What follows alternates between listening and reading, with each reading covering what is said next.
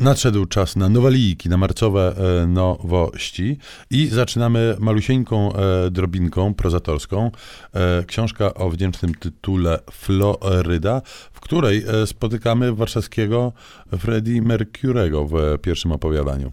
Autorem tej książki jest Grzegorz Bogdał. To jest jego debiut. Trzeba powiedzieć w ogóle, że ostatnio z debiutami jakoś tak lepiej jest i trochę ich się ukazuje i Cieszymy są ciekawe. się bardzo. Muszę powiedzieć, że książka Bogdała chyba w ogóle jest u mnie na szczycie rankingu ostatnich interesujących debiutów, bo to jest zbiór pięciu opowiadań. Rzeczywiście pierwsze jest poświęcone Frediemu Merkuremu, a tak naprawdę to człowiekowi, który jest jego sobowtórem. To są, y, każdy z tych opowiadań oczywiście jest odrębną całością, natomiast wszystkie one mają pewien wspólny mianownik. To jest forma monologu. To zawsze ktoś do kogoś mówi o czymś.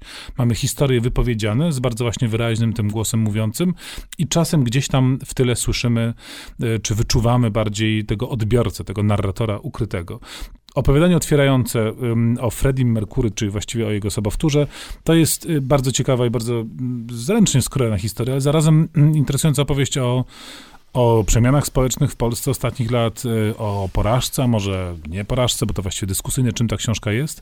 Bogdał ma taką bardzo cenną umiejętność wyważenia takiego bardzo precyzyjnego podejścia do języka, y, dbałości o formę z opowieścią. To są jednak rzeczywiście pełnoprawne historie, które mają konkretnych bohaterów i ta właśnie fabularność y, z, spotkana z bardzo wprawną, bardzo ładną, ale nie przefajnowaną prozą jest czymś, co mnie w tym tomie Floryda ogromnie cieszy.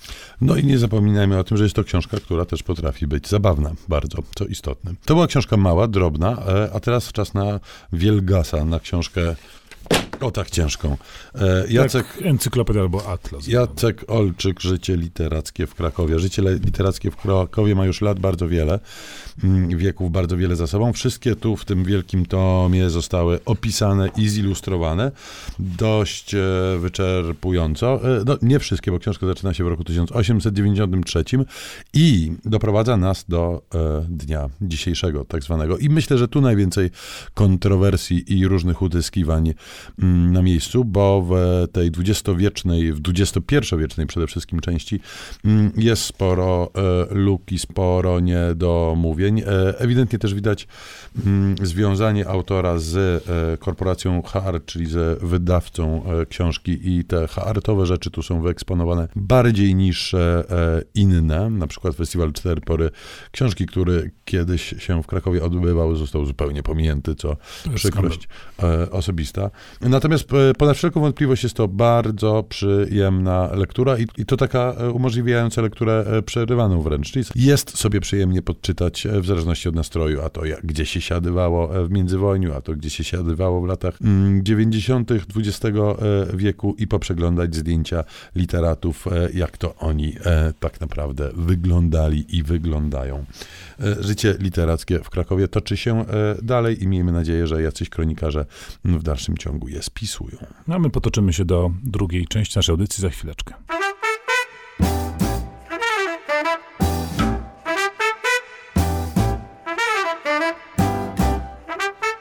Piątka z literatury. Polecają Szymon Gloszka i Tomasz Pindel. Wracamy do marcowych e, nowości. Była już Floryda, e, a teraz czas na Stambuł, Stambuł.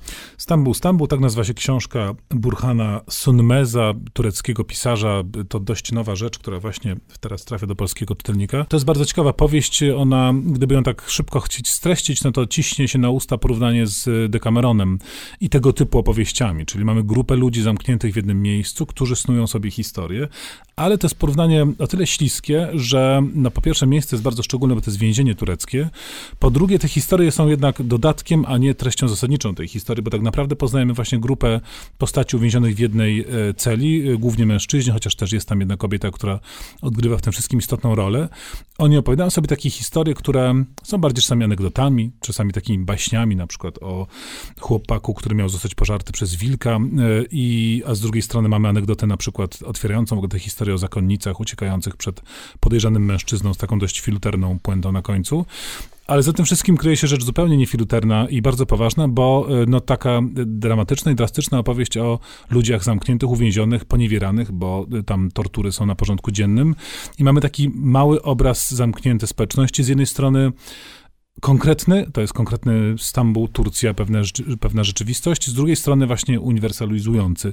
Bardzo ciekawa, intrygująca powieść, pokazująca, że sporo jeszcze mamy w Turcji do odkrycia i że Orhan Pamuk wprawdzie wiosnę uczynił, ale to naprawdę nie wszystko. E, kolejna książka na naszej liście również porusza ważne kwestie społeczne, e, co nie dziwi, jako że autor jest zadeklarowanym e, marksistą. Znany świetnie w Polsce China Mieville, jeden z najciekawszych brytyjskich autorów tak zwanej fantastyki. Właśnie ukazała się w Polsce jego książka zatytułowana Toro Morze. Toro Morze to, jak sama nazwa wskazuje, coś, co opasuje całą kulą ziemską i składa się z torów właśnie. To znaczy ludzkość żyje sobie na jakichś wysepkach przedziwnych, które z Toromorza wystają, e, a głównym środkiem lokomocji, a też sposobem spędzania czasu, e, ale też utrzymania, podróży itd., tak itd. Tak są tory i poruszające się po nich najróżniejsze pociągi.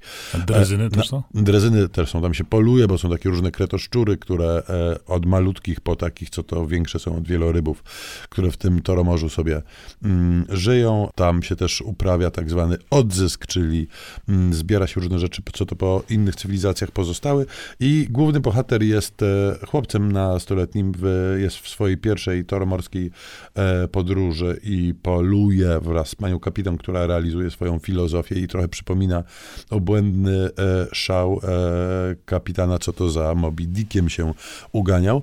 Natomiast on odkrywa jedną rzecz, zupełnie przypadkowo. Zdjęcie, na którym to zdjęciu jest coś wstrząsającego, coś, co on nie wiedział, że istnieje i nikt nie wiedział, że istnieje. Mianowicie zdjęcie krajobrazu pustego, przez który przebiega tylko jedna nitka torów. Dla mieszkańca Toru Morza jest to rzecz absolutnie niewyobrażalna, no i oni tą tajemnicę będą chcieli rozwikłać, oni, czyli bohaterowie tej przedziwnej e, powieści, e, no i rozwikłają sposób, który opowie dużo o naszej rzeczywistości i miejmy nadzieję, że niewiele o naszej przyszłości. Sporo o naszej rzeczywistości i jeszcze więcej o przeszłości mówi kolejna i ostatnia książka w naszych marcowych nowościach.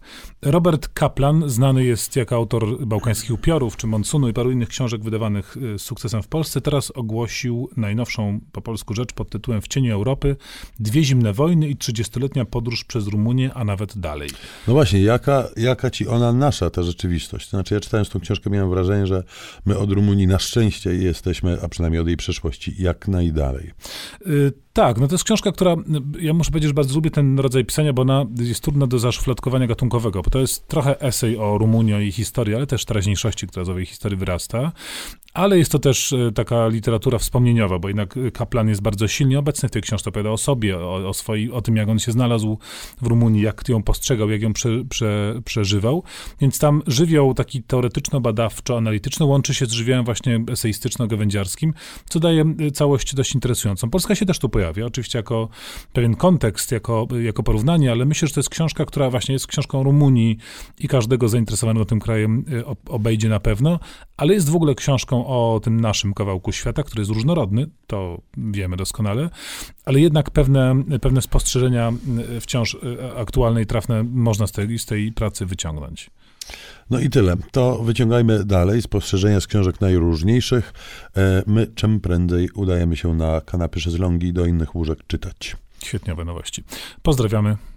Szymon Kloska. Tomasz Pindel.